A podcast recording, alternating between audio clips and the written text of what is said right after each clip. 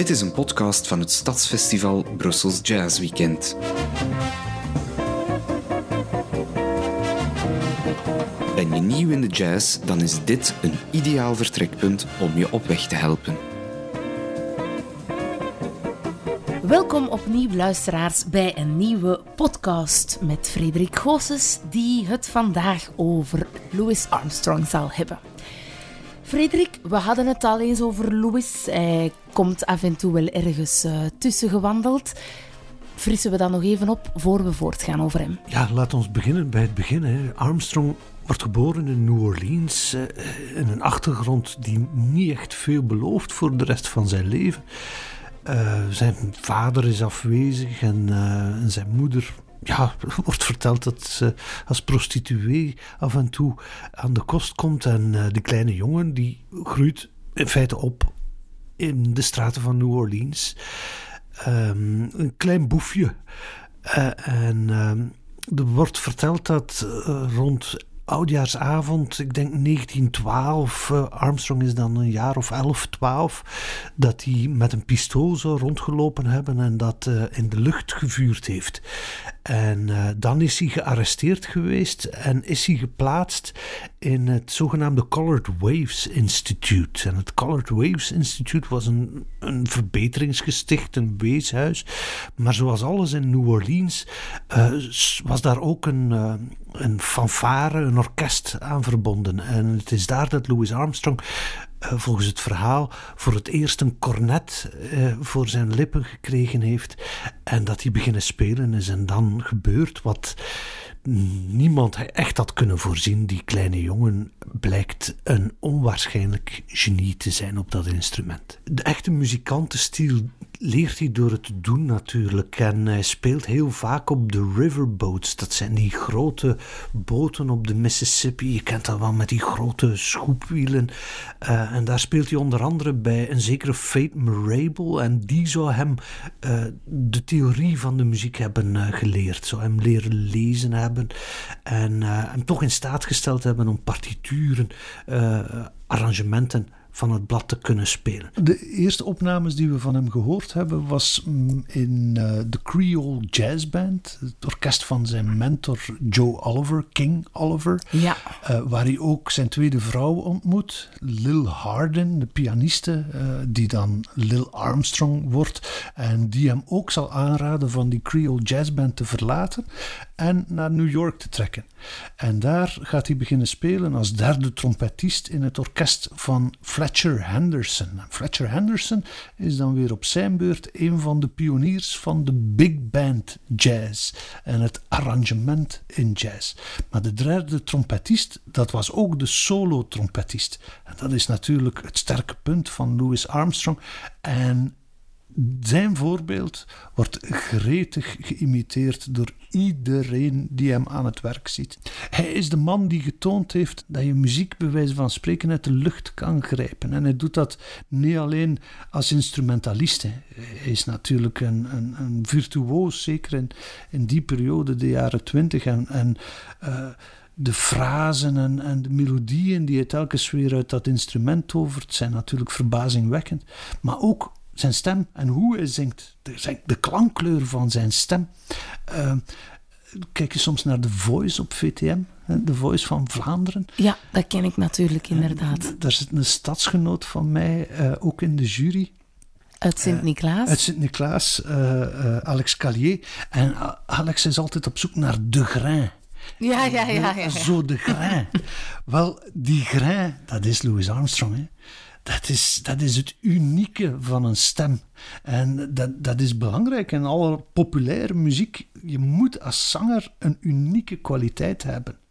Anders maak je het niet. Armstrong was helemaal uniek. Weet je, hij was zelfs zo belangrijk volgens mensen. Uh, tijdens zijn leven hebben ze nooit zijn geboortecertificaat teruggevonden. Gebeurt wel eens vaker met zwarten in Amerika.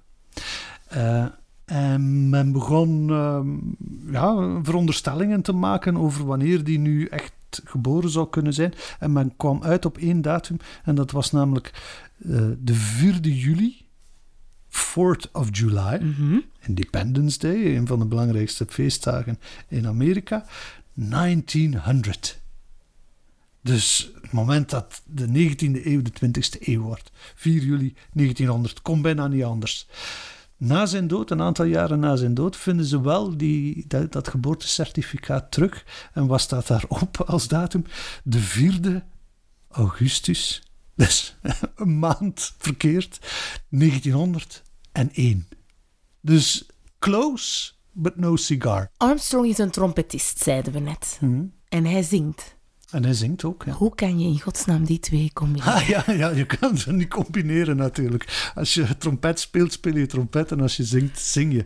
Maar de manier waarop die- dat hij dat doet is wel gelijkaardig. Je kan Louis Armstrong, de zanger, onmiddellijk herkennen. Dat typische stemgeluid, eh, de manier waarop hij fraseert, de manier waarop hij eigenlijk een loopje neemt met elk nummer dat hij zingt. Hij gaat nooit de partituur zingen zoals een componist dat ooit heeft op blad gezet. Nee, hij maakt daar Armstrong muziek van. En hetzelfde geldt voor die trompet. Je hoort dat geluid van die trompet. Het is ten eerste al heel luid. Het verhaal gaat dat tijdens de opnamesessies Armstrong gevraagd werd om een metertje verder van de micro te gaan staan, zodanig dat hij zijn collega's niet overstemde. Dat was heel luid, heel erg assertief, maar eh, ook heel erg vindingrijk. Hè. Dus in die zin zijn die Armstrong de zanger en Armstrong de instrumentalist één en dezelfde man. Dat wil ik graag horen, Frederik. Waar gaan we naar luisteren? En kiezen we dan trompet of zang? Of We allebei? doen, het, we doen het dus allebei. Eh, we gaan luisteren naar de opnames die hij vanaf 1925 begint te maken in Chicago met een band die heet The Hot Fives. Nu, de Hot Fives dat was samengesteld uit de beste muzikanten uit New Orleans, plus Lil Harden, hè, zijn vrouw, daarbij. Eh, maar het is een orkest dat eigenlijk nooit echt bestaan heeft, tenzij in de studio. Het is, het is gewoon een studio-orkestje. Eh, maar elk van die opnames toont telkens weer waar de jazz in de toekomst naartoe zou kunnen gaan. Geeft een voorbeeld aan iedereen die zich aan die muziek wil wagen van hoe moet ik dat nu spelen? Imiteer Armstrong en je bent al een heel eind vooruit. We luisteren eens naar The Big Butter and Eggman.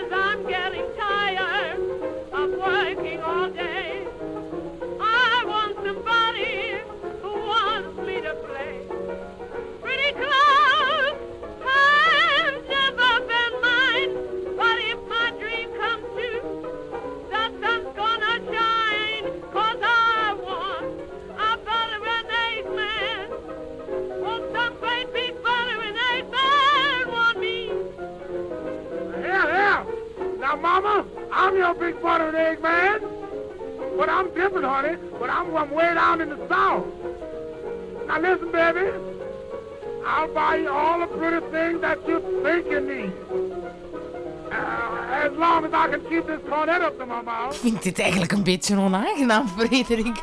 Als ik hier eh, rustig in mijn huis rondloop en er zit zo'n snauwende man in mijn oor. Ja, ja, ja. Hij, hij rapt een klein beetje. Hè. Hij is- is het is bijna- absoluut niet zingen. Het is absoluut niet zingen. Hè. Nee, nee, het is echt die muziek naar zijn hand zetten en, en eigenlijk gewoon ritmes eh, spuwen. Hij gaat dan in dit nummer ook trompet spelen. Hij begint met drie keer dezelfde melodie te spelen.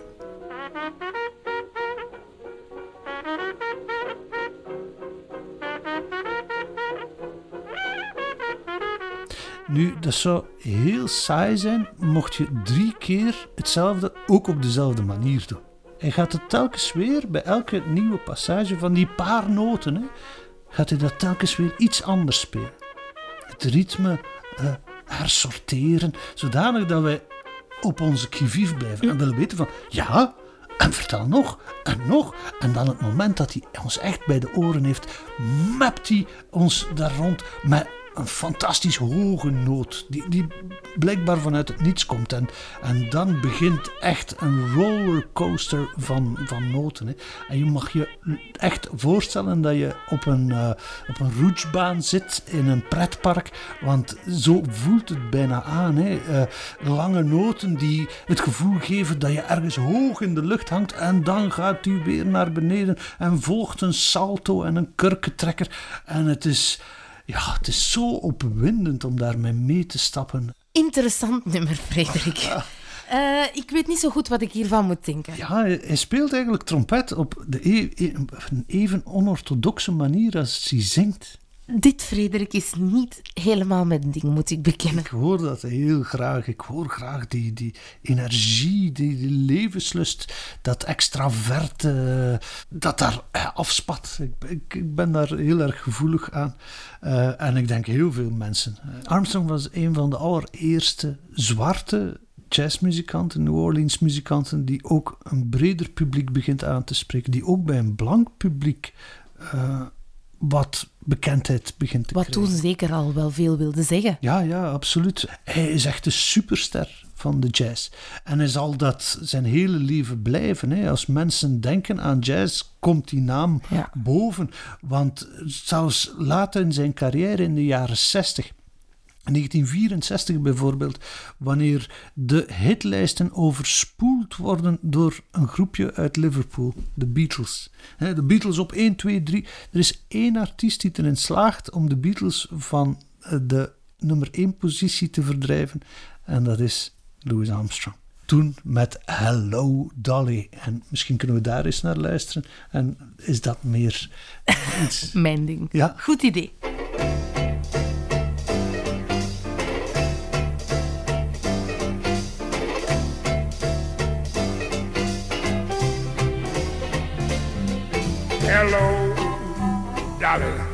This is Louis, Dolly. It's so nice to have you back where you belong. You looking swell, Dolly. I can tell, Dolly. You still glowing, you still growing, you still going strong. I feel the room sway, but the band's playing one of our old songs from way back when. So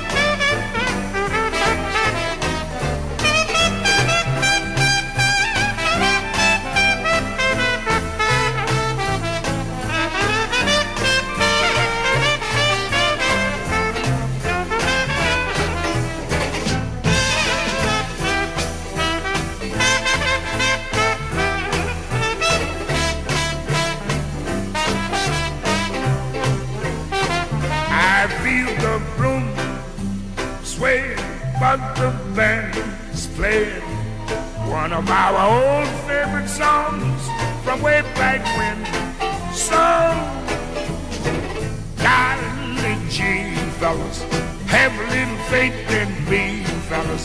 Darling, never go away, promise you never go away, darling, never go away again. Dit is natuurlijk iets helemaal anders, Frederik. Ja, dat is het herkenbare, typische stemgeluid van Louis Armstrong. Dat we allemaal kennen eigenlijk. Hè? Ook van andere grote hits, mag ik wel zeggen, denk ik. Ja, ja dat is de knuffeloom in Louis Armstrong. Hè. Dat, is, dat is de Louis Armstrong die iedereen wel graag hoort en uh, waar we onmiddellijk aan denken. Ja, voor jazzliefhebbers, mm, dat, dat is een beetje meewarig. We weten wat een fantastische instrumentalist hij was. En, en die baanbrekende opnames van de jaren twintig, daar worden altijd naar gerefereerd. Maar die zijn natuurlijk een beetje moeilijker om te beluisteren door de opnamekwaliteit, door het soort van jazz. Want het klinkt allemaal op een of andere manier ook wel heel vertrouwd. Eh, Alles wat hij speelt is zodanig geïmiteerd geweest dat het bijna een cliché geworden is eh, wat, wat hij daar speelt. Maar door de uitstraling en, het- en de internationale populariteit die Armstrong had als zwarte jazzmuzikant, is hij in de jaren 50 ook eh, ingezet geweest door de Amerikaanse regering. Althans, ze hebben dat gepoogd. We zitten dan in volle Koude Oorlog natuurlijk. En er was een, een programma van de Amerikaanse regering waarbij ze jazz ambassadors de wereld rond gaan sturen. Ambassadeurs van de jazz, maar tegelijkertijd ook van het vrije Westen hè, en, en, en de democratie van, van het Westen, eh, maar aan de andere kant van het ijzeren gordijn. En de eerste aan wie ze dachten was natuurlijk Louis Armstrong. En Armstrong heeft dat geweigerd omdat hij ook zag hoe zwarten behandeld werden in zijn thuisland. En hij zei: Hoe kan ik de ambassadeur zijn van een land waarin mijn eigen volk tweede of derde rangs burgers zijn? En in die zin is hij ook steeds een, een stichtend voorbeeld geweest voor niet alleen muzikanten, maar voor zwarten in het algemeen. En heeft hij nooit die Uncle Tom-rol, hè, die hem eh, vaak is aangesmeerd. Hè, de man met de brede glimlach en de, de zakdoek waarmee hij het zweet van zijn voorgezicht eh, veegt. Hè, de, de vaudeville eh, zwarte. hè, d- altijd lachend, altijd ha, ha, ha. Heeft hij daar nooit echt 100% aan toegegeven. Zo mag je hem ook nooit bekijken als, als een vaudeville muzikant. Nee, het was een zeer zelfbewuste, zeer trotse man. En, en dat tekent hem ook. Maar misschien kunnen we er echt uitgaan met een eh, opname die ik ook zelf heel mooi vind, wat later in zijn carrière. Wanneer hij samen gaat werken met eh, een andere koningin van de jazz, dat is zangeres Ella Fitzgerald. En Ella Fitzgerald, ja, dat is de meest elegante, de meest eloquente der jazzzangeressen. En haar stemgeluid steekt prachtig af tegen die rauwe kwaliteit die Armstrong altijd gehad heeft. Maar allebei zijn ze van de meest natuurlijke zangers die de jazz gekend heeft. En ze hebben vaak samen opgenomen prachtige platen gemaakt. Een versie gemaakt van Porgy and Bess, de opera van Gershwin bijvoorbeeld.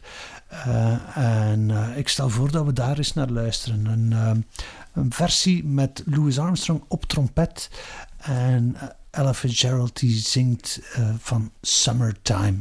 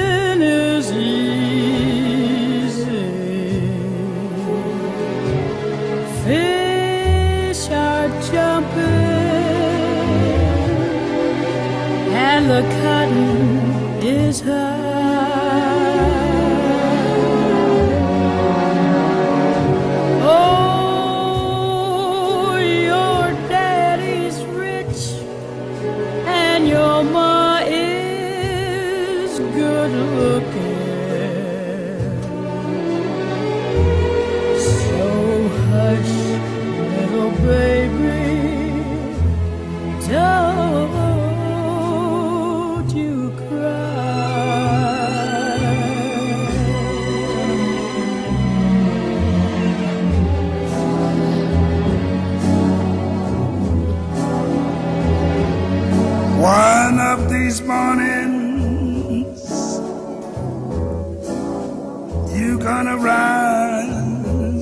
singing. Yes, you spread your wings and you take to the sky. Mm, But till that morning, there's nothing can harm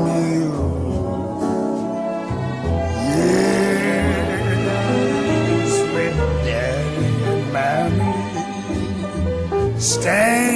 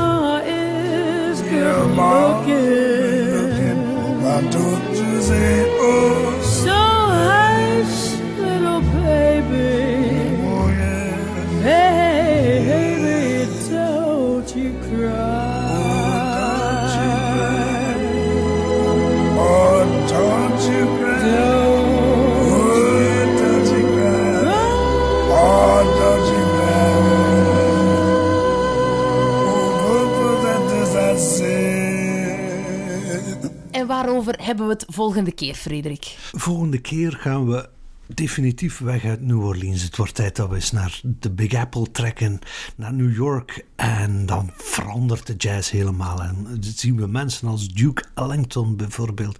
En wie weet kunnen we het ook eens hebben over die andere edelman van de jazz, Count Basie. Bedankt, Frederik.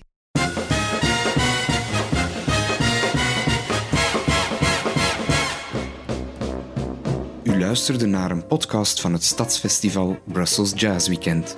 Het festival vindt jaarlijks plaats tijdens het laatste weekend van de maand mei.